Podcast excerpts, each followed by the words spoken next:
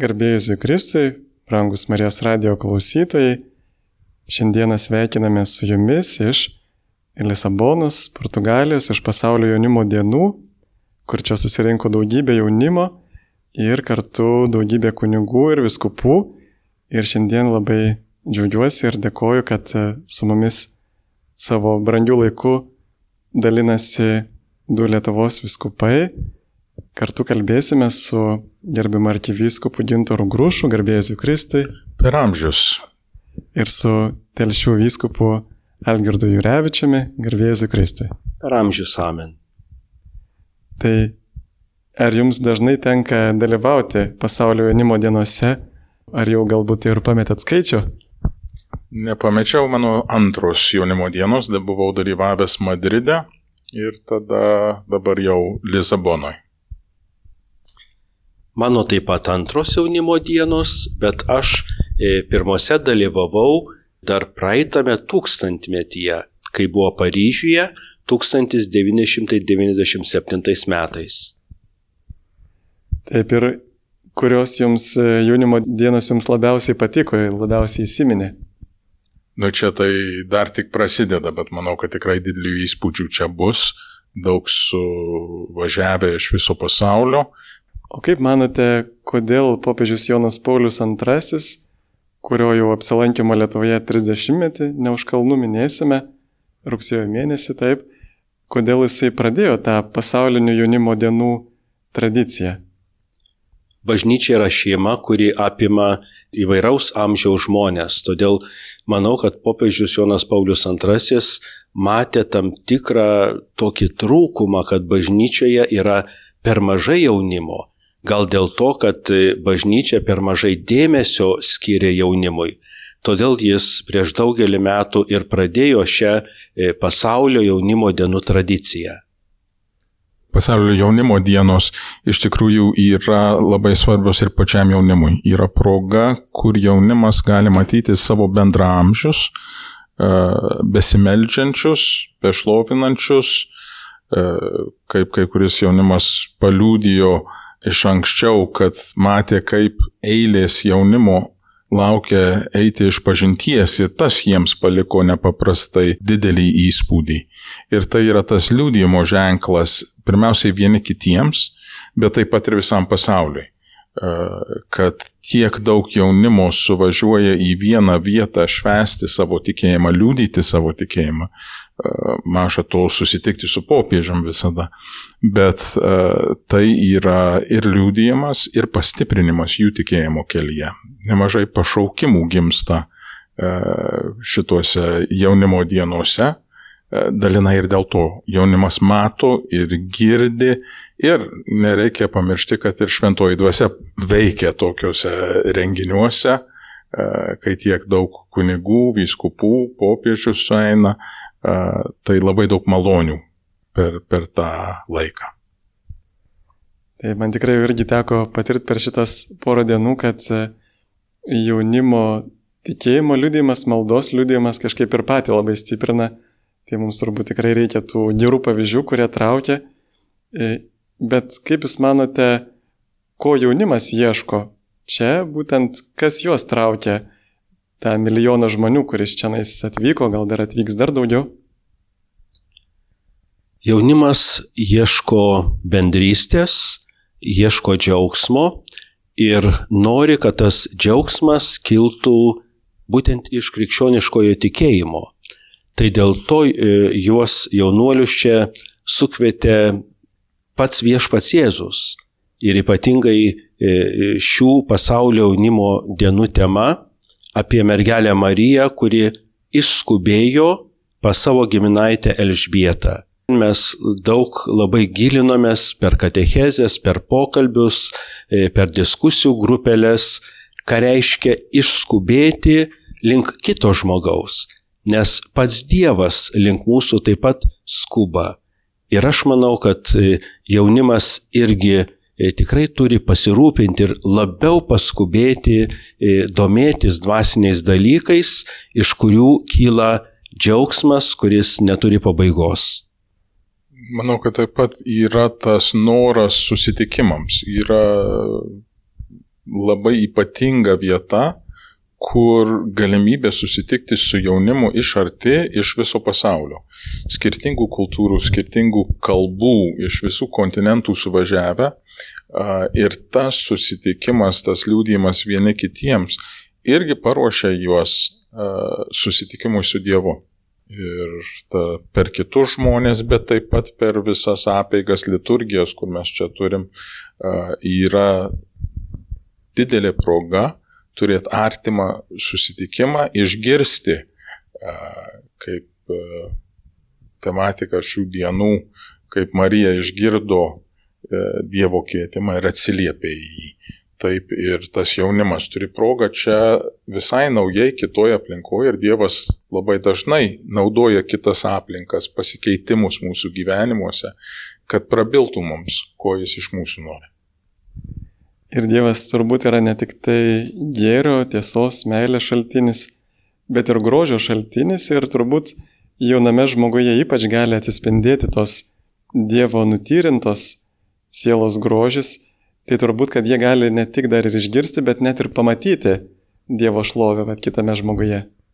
Iš tiesų pasaulio jaunimo dienose galima to grožio labai daug pastebėti.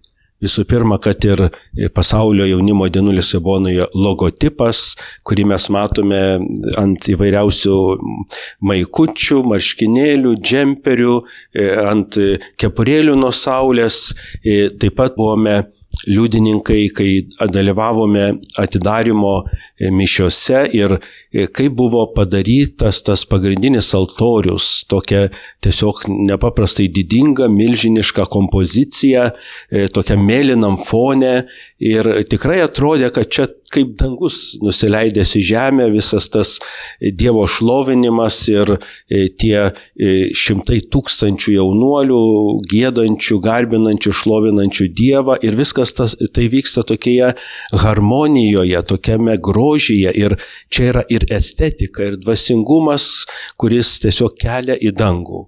Tai aš manau, kad jaunimas tikrai mėgsta grožį ir čia jį atrado ir iš to e, išorinio grožio linkstama į vidinį, į sielos grožį.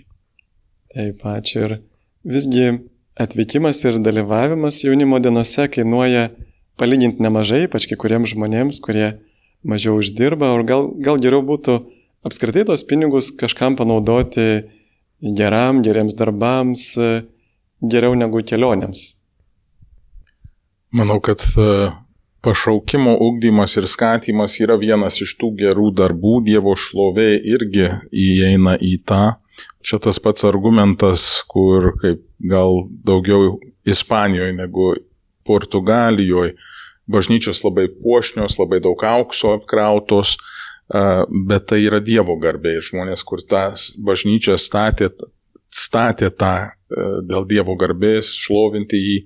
Ir šitas suvažiavimas žmonių, tas visas parengimas, iš tikrųjų, kai kalbi su tais, kur prieš daugelį metų buvo jaunimo dienose ir kaip juo, jie buvo paveikti, kaip jų gyvenimai pakeisti, ir tada jie grįžta, jie toliau savanoriauja savo parapijose, savo, mūsų Lietuvoje, savo viskupijose. Labai daug yra tos gražos į tą investiciją, kur žmonės, kur padėjo jaunimui atvykti ir sudalyvauti, tai yra nepakartojama patirtis. Ir dar popiežius Pranciškus atvykstančius jaunuolius ragino prieš leidžiantis į šią piligrimystę E, aplankyti senus žmonės, aplankyti senelius, nes neseniai buvo pasaulinė senelių diena, e, papasakoti apie jaunimo dienas, išgirsti jų istorijas, tai irgi e, yra tas toks ryšys, toks karitatyvinis ligonių lankymas. Kitas dalykas, kad prieš pat pasaulio jaunimo dienas Lisabonoje vyko konferencija apie bažnyčią ir ekologiją, apie popiežiaus encikliką Leudato Si, nes daugelį šalių kilo tokia iniciatyva sodinti medelius šios pasaulio jaunimo dienos atminimui, tam, kad kuomet jaunimas keliauja, tai tarsi ir daug taršos yra, kad būtent atsverti tą dalyką. Ir čia yra labai svarbus toks mąstymo pakeitimas, tam tikras ekologinis atsivertimas galvoti ne tik apie save, apie savo kelionę, apie savo kažkokį nuotykį, patirtį, bet taip pat pagalvoti, e, kiek mano šis nuotykis, ši kelionė gali pakengti gamtai ir kaip aš galiu e, savo buvimu ir tolesnė veikla tą nuostolį atitaisyti, e, kreipdamas dėmesį į gamtos išsaugojimą, į aplinkos išsaugojimą, į užterštumą mažinimą, pasirenkant tokius produktus, kurie mažiau terš, tai šitos temos atsigrėžimas į žmogų ir atsigrėžimas į kūrinyje tikrai stovi ir pasaulio jaunimo dienų centre. Taip, tikrai teko pastebėti, nes e, visur išklijuoti lipdukai, kad prašome rušiuoti atlikas, Mums netgi nedavė daugiau podelių, sako, imkite štai vienintelis podelis per visas dienas, užsirašykit savo vardą ir turėkit e, popierinis podelis visai savaitai. Tai iš tiesų yra e, gražu, kad e, bažnyčia irgi eina pirmoji tame irgi ekologinėme atsivertime, kad, kad ji ne tik sako, kad štai jūs visi kiti turėtumėt gyventi pagal Dievo įsakymus, o mes neskubėsime. Tai, tai ir taip pat Jūs va paminėjot tą kelionę kaip būdą irgi susitikti ir vieniems su kitais. Ir turbūt parapijose, kad liktų jaunimo, tas jaunimas jis turėtų būti kažkaip tai, na, liaudiškai tariant, susicementavęs.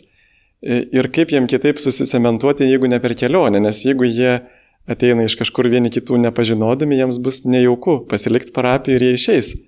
Bet jeigu jie keliauja į kelionę, susidraugauja ir tada matom ypatingai va tos parapijos, kurios daugiau keliauja, ten yra ir daugiau jaunimo liktais. Tos kelionės gali būti ne tik į pasaulio jaunimo dienas, tai yra vienas dalykas, kur uždega jaunimą, kad kai grįžta, bet yra tų piligriminių kelionių ir mūsų pačioj Lietuvoje, ar tai į Šilovą, ar iš aušros vartų į Trakus, ar visą eilę kitų šventovių, kiekvienoje vyskupijoje yra viena, dvi, kur laukia piligrimų.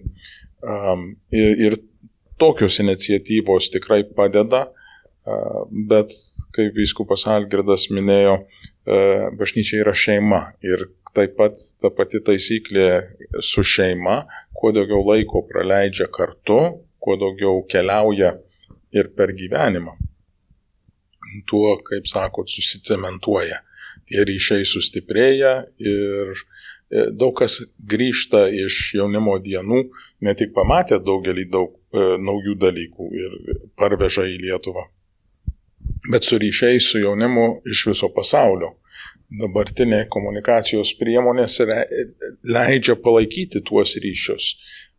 Ir žinau ir iš mūsų Lietuvos jaunimo, kur turi ryšius su jaunimo E, kitose šalyse, todėl kad iš vieno ar kito renginio susidraugavo, susipažino ir tęsė tuos, e, tuos ryšius. Ir, ir tie patys klierikai, vienuolės, kur dalyvauja, irgi užmesga tuos ryšius ir, ir juos palaiko. Dar norėčiau priminti, kad e, ši piligrimystė buvo labai skirtinga įvairioms grupėms nes vienos jų skrido tiesiogiai, kas iš Vilniaus, kas iš Kauno ar Rygos, kitos grupės dar keliavo autobusu, pavyzdžiui, į Varšuvą ir iš Varšuvos skrido, bet buvo keletą grupių, tai Šiaulių viskupija, Vilkaviškio viskupijos jaunimas, kurie keliavo e, autobusiukais. Ir jiems ta kelionė užtruko keturias ar penkias dienas, bet jie pakeliui aplankė Liurdą, Fatimą, dar planuoja aplankyti vienuolynus, Tezė planuoja aplankyti. Ir buvimas kartu vienoje kelionėje, pavyzdžiui, penkias dienas, kai reikia vienas prie kito derintis, poreikius, kažkas sustoti nori, kažkas greičiau važiuoti nori. E, tai tas irgi labai sujungia žmonės ir jie tikrai pasijunta kaip viena šeima. Paprastai baigėsi piligrimystė, visi įsiskirsto, bet po kokios savaitės jau vėl domisi, ar, ar nesusitiksim. Tai mes norim susitikti, nes būtent tie e, įspūdžiai labai atsisijoja. E, tos visos tuštybės, tu šiandien jas pamatai, susižavi jomis, aptari jas, bet po kelių savaičių išlieka tik tie dalykai, kurie turi tikrai tą tokią išliekamąją vertę, kurie turi gilesnį dvasinį pagrindą ir tada jau norisi jais pasidalinti. Tai e, tikrai va, ši piligrimystė parodė, e, kad jaunimas pasirinko tą būdą, kuris jiems labiausiai primtinas ir jie nori iš to ir mes tikimės, kad jie gaus iš to kuo daugiau dvasinės naudos.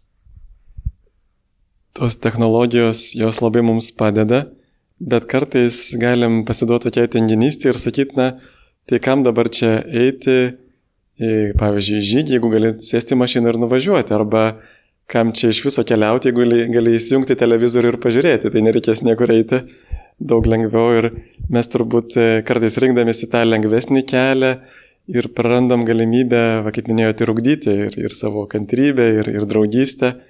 Tai tas lengvesnis kelias, e, tas vien tik tai norėti paguodų, dažnai daro mus tokius labai trapius ir paskui gyvenime būna sunkiau. Popiežius Pranciškus neseniai susitikęs su viena jaunuolių grupe kalbėjo apie susitikimo džiaugsmą. E, gaila, kad kai kuriems jaunuoliams karantinas dar nepasibaigė. Jie lieka prie savo socialinių tinklų, bijo išeiti į gatvę, vengia tokio sustikimo, bet e, čia bent jau pabuvęs piligrimystėje, aš manau, kad jie ūkdo savyje didžiulį egoizmą ir patys tampa ir nedaug dievė taps e, tokiais egoistais, nes buvimas piligrimystėje verčia galvoti apie kitą. Kažką reikia praleisti eilėje, e, kantrybę ugdyti, reikia palaukti prie maisto, kartais net kokį pusvalandį ar net ir daugiau. Reikia praleisti kitą į tramvajų ar metro, e, lipant visur yra daug žmonių, e, paprašyti ar paklausti svetimtaučio, ar galiu šalia tave savo mėgmaišį pasitiesti. Daug tokių dalykų, kur tu turi save nugalėti savo egoizmą ir tiesiog nusišypsojęs paklausti kito, ar aš galiu kažką tai tau padaryti, ar galiu, ar gali tu man padėti tuo. Ir tas susitikimo džiaugsmas, kurio tikrai negausi prie jokio brangiausio televizijos ar kompiuterio ekrano, ir tai tikrai žmogų nepaprastai ugdo ir praplečia tiesiog akiratį. O kokias mintis jūs pabrėžtumėte iš popžiaus pranciškų žinios pasaulinės jaunimo dienos proga, kuomet jisai jau prieš kelis mėnesius ją išleido būtent šią jaunimo dienai ir būtent remdamasis tais Evangelijos žodžiais, kad Marija skubiai susiruošusi iškeliavo. Ir toks atrodo įdomus dalykas, nes e, skubėjimas tarsi yra blogis, o čia matome, kad Marija skuba ir kad tai yra gerai. Čia iš tikrųjų per šitas dienas mes ir gvildensim tą žinę toliau, tas skubėjimas turi savo vietą, reikia turėti ir supratimą, kodėl skubi, kur skubi, o skubėjimas tik dėl skubėjimo neturi prasmės ir, ir galima pasiklysti tuo. Tai gal vienas iš tokių pagrindinių tikslų šių dienų yra padėti jaunimui atrasti, dėl ko jie skuba, į ką jie skuba ir e, paraginti tada skubėti, atrasti gyvenimo prasme, pašaukimą, atrasti Dievą savo gyvenime. Ir tie tos katekezės, bet ir visi kiti susitikimai, Dievas per visus įvairiai kalba ir čia yra labai daug tų renginių ne tik liturginiai momentai, susitaikinimo didžiausia aikštė susitaikinimo sakramentui, bet ir konferencijos, ir muzikiniai pasirodymai, liūdėjimai ir per visus vienaip ar kitaip Dievas siekia prabilti. Prabilti tam, kad žmogus suprastų giliau tą savo santykį su Dievu ir tikslą, dėl kurio išeina į pasaulį, į gyvenimą. Man dar labai gražu, kaip lietuviai irgi bando duoti ir duoda kažką pasauliui, būtent čia tarnaudami, pamačiau ir seseris asumcionistės, ir ypatingai gailestingumo šventovės ir, ir Lietuvos jaunimo dienų ansamblis tokį bendrą mokymą, darbuotę, koncertą, netgi tokį užsiemimą darys apie Dievo gailestingumą, tai mes irgi norėdami tarnauti kitiems, kaip gražu, kad turime progą, bet kartu ir turime atrasti, o kokią dovaną Dievas davė mums, lietuviams, kad mes galėtume ją pasidalinti su kitų tautų žmonėmis. Nu ir tą penktadienį, kai vyks tas workshopas um, apie Dievo gailestingumo žinę pasaulį, tai ten bus ir koncertas, ten bus ir apmąstymas Dievo gailestingumo žinios, kuri Vilniui per seselę Faustiną buvo skelbiama ir bus proga šlovinimui, maldai, užtarimui.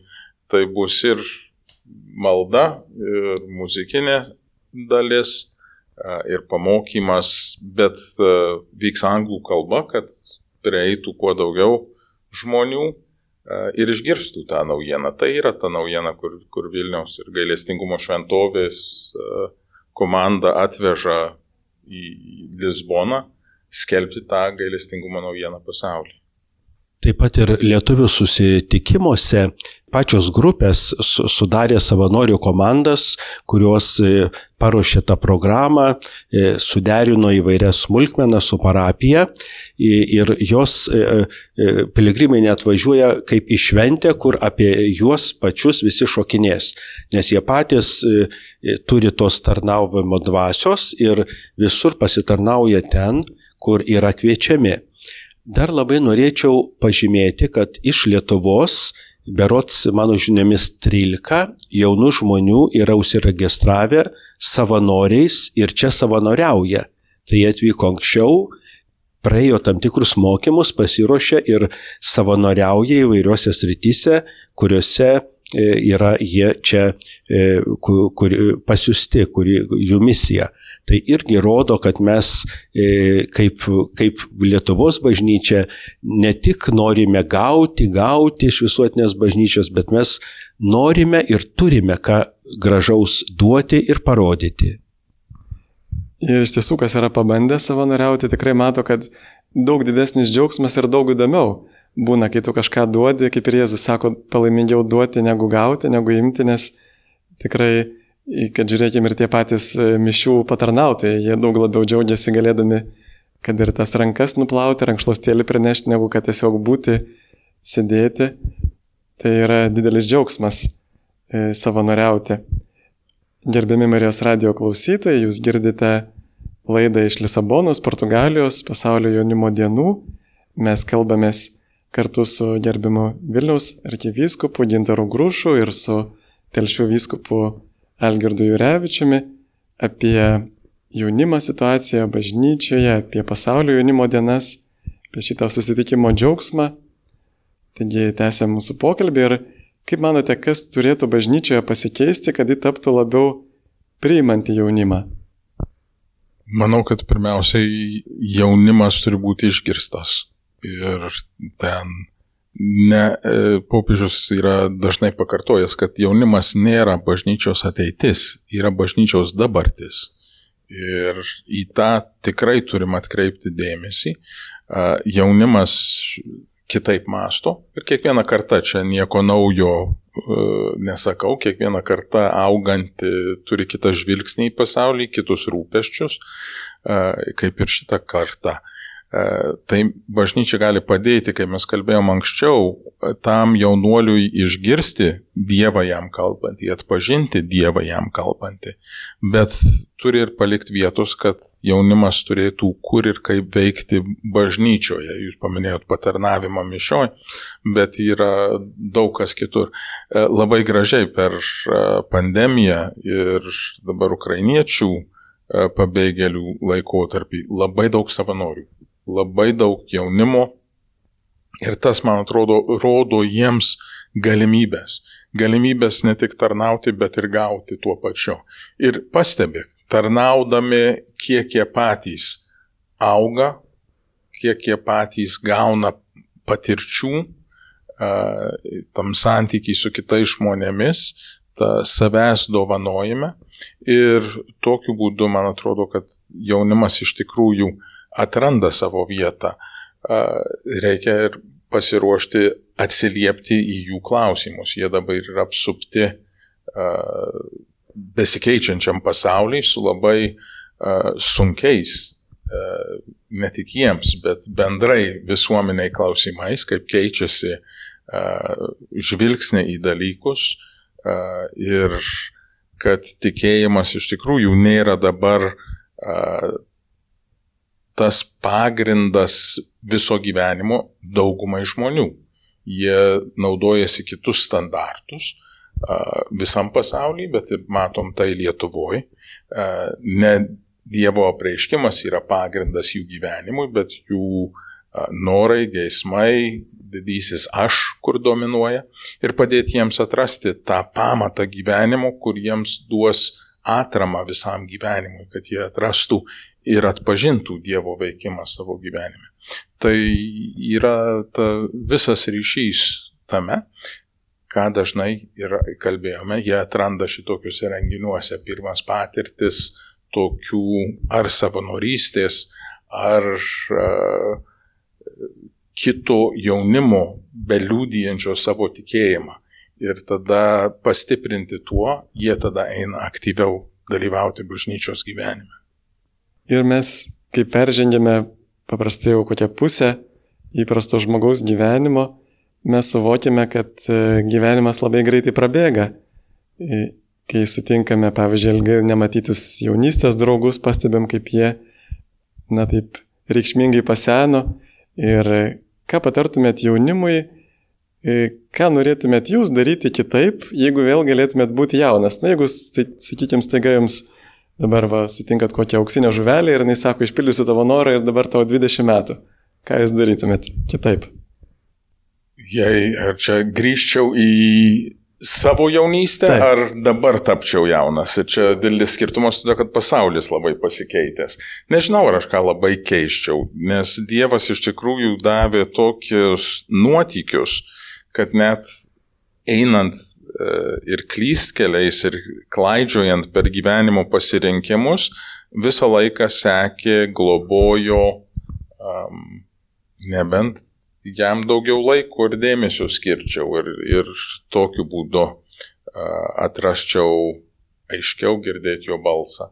Uh, ten turbūt, o gyvenimo nuotikė tai įdomiausios dovanos, kur Dievas duoda apie tai kažkaip nesusimaščiau, nes jeigu turėčiau 20 metų, bet dabartinį pažinimą, e, tai be abejo būtų kitaip kažkas tai, e, tačiau e, ko gero galbūt būčiau tokia kaip, na,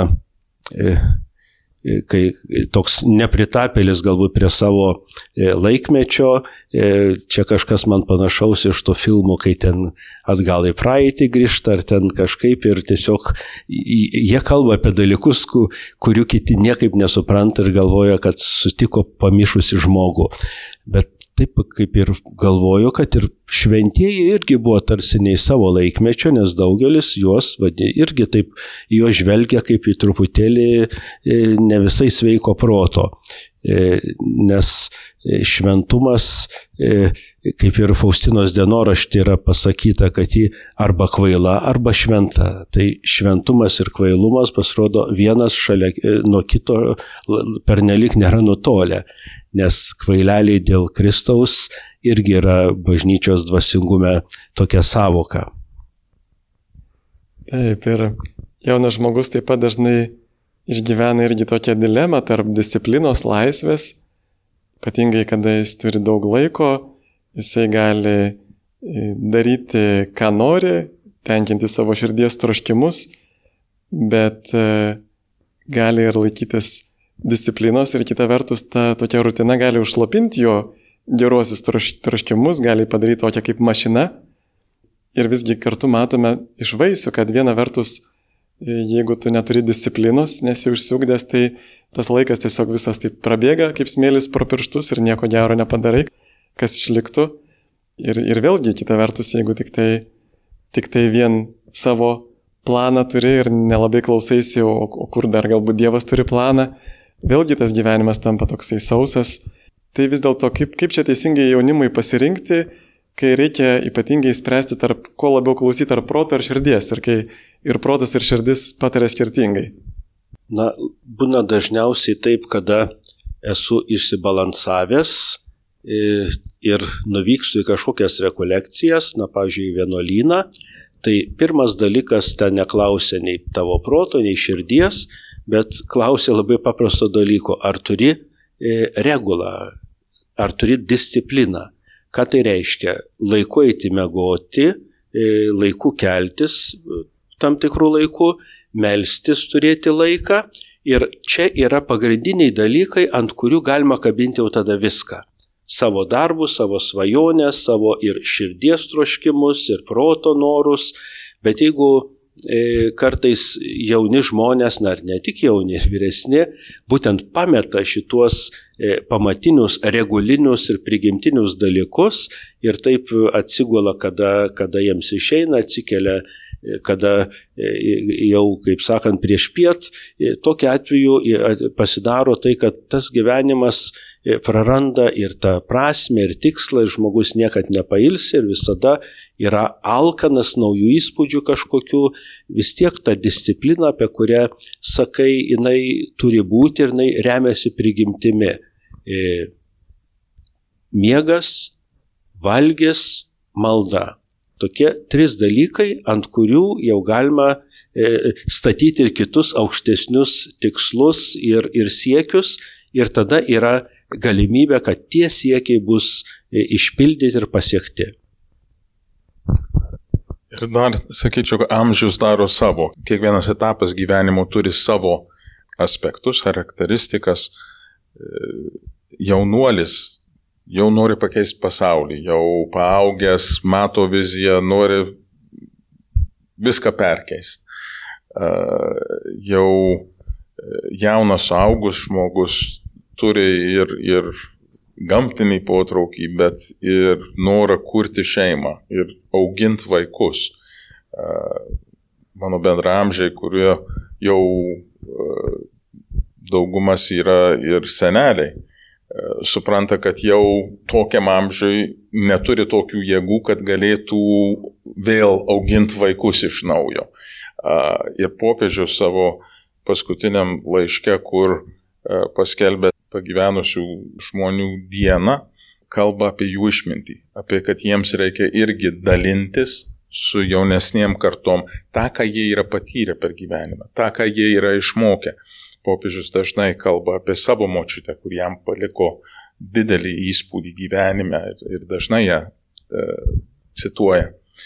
Šita išmintis, kur dabartinės e, laikais e, vakarų kultūroje, sakyčiau, mažiau vertinama, kažkokia rytų kultūra dar amžių labai gerbė, vertina, e, kaip ir buvo artimųjų rytų kultūra Jėzaus laikais tas išmintis, kur yra sukaupta per laiką. Tai kiekviena, kiekvienas etapas turi savo, Dievas naudoja tuos mūsų etapus mums prabilti skirtingais būdais ir duoda mums užduočių skirtingose etapuose, kad mes galėtumėm tuo metu jo valią vykdyti ir pildyti. Ačiū, tikrai man atrodo labai verta apie tai pamastyti, kad iš tikrųjų kartais va tas mūsų gyvenimo pagrindas, tie dalykai, jeigu jie tos disciplinos nėra, tai ir apie kitus dalykus irgi nelabai išeina už kojos, kur juos įtvirtinti ir kažką gero padaryti savo gyvenime, sukurti. Ir bet štai kalbant apie maldą irgi kaip pagrindą, kartais mes bažnyčiose bijome kviesti jaunolius į maldą, į tokią ilgesnę, gilesnę maldą, nes galvojame, kad juos atbaidysime, jeigu pradėsime su jais melstis. Tarsi iš jų daug reikalaudami, o jeigu jau ten kokį vaiką jau e, su jo rožinį e, šeimoje paskatintum kalbėti, jau liktai vos nebūtų ir koks nors ten psichologinis smurtas, jau taip suprantama.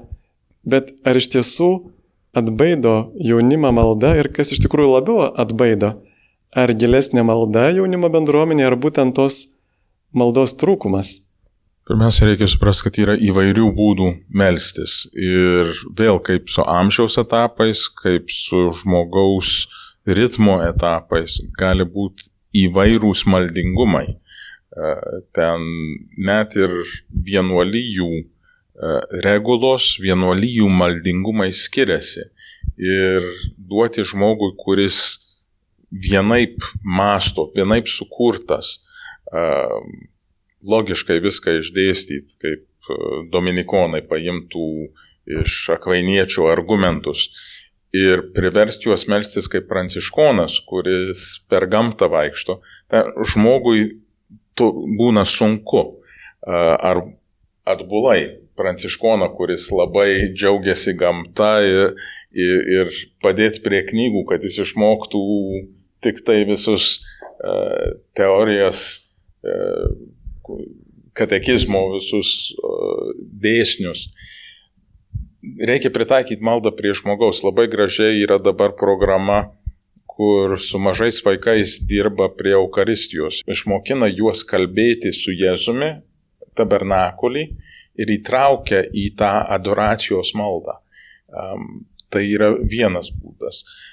Rožinis yra toks, tokia malda, kur lengvai prieinama, įleidžia į mąstymą, mąstyti apie paslaptis Jėzaus gyvenimo, bet ne visada jis yra pati tinkamiausia malda kiekvienam etapui.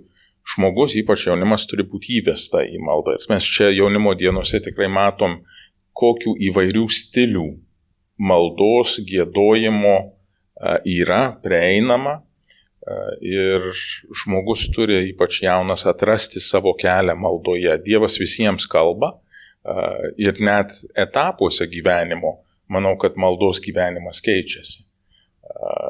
Kas tiko, kai buvo 18 metų, turbūt nelabai tiks žmogui, kuris yra 70 metų. Ir kaip ir, ir, ir mūsų gyvenimai keičiasi, taip ir mūsų maldos gyvenimas keičiasi. Tai yra tas įvedimas į maldos gyvenimą, į tą bendravimą, nes malda galutinai yra bendravimas su Dievu ir mes bendraujam su Dievu iš pozicijos, kurioje mes esame savo gyvenime. Todėl ta malda prisitaiko. Ir, ir nemanau, kad jinai traumuojanti, nebent mes bandom priversti kitus melstis kažkokią vieną tik tai formą, E, ir, ir tada jį gali būti atbaidanti. E, bet kai pamato žmogus, kad tai yra dialogas su Dievu, yra pokalbis su Dievu, ar mes naudojam švento rašto žodžius, ar mes naudojam savo žodžius, ar mes naudojam litanijas ar rožinius, e, kai atsiranda gyvas dialogas, tai tada yra tas pokalbis, o, pokalbis su mylimu žmogum niekada nėra atbaidantis privers žmogų kalbėtis, gali būti atgrasinantis. Tai tas pakvietimas, tas išmokymas, kaip bendrauti, kaip kalbėti, čia labai svarbu, man atrodo. Labai dėkoju Jums už tas tikrai tokias gilias įžvalgas. Jau mūsų laikas eina į pabaigą. Ir ko tiesiog norėtumėt palinkėti šių dienų jaunimui? Labai noriu palinkėti, kad jie čia naujai susitiktų Jėzų, naujai gilintų tą draugystę, kur su juo turi ir kad tas susitikimas, ta patirties Dievo meilės jiems duotų daug vaisių jų gyvenime, asmeniniam ir jų bendravime ir tarnavime kitiems. Labai noriu palinkėti, kad jie čia susitikimo su viešpačiu nuotaika taip pat atvežtų į Lietuvą, į savo šeimas, į savo parapijas, į savo aplinką ir visur papasakotų, kaip puiku, kaip šaunu ir kaip linksma būti kataliku. Ačiū. Tuo ir užbaigime ir gal galėtume dar ir palaiminti jaunimą, kad tikrai būtų laimingi. Viešpats su jumis. Ir su tavimi. Tai laimina jūs visagalis Dievas, Tėvas ir Sūnus ir Šventoji Dvasia. Amen. Dėkojame Dievui.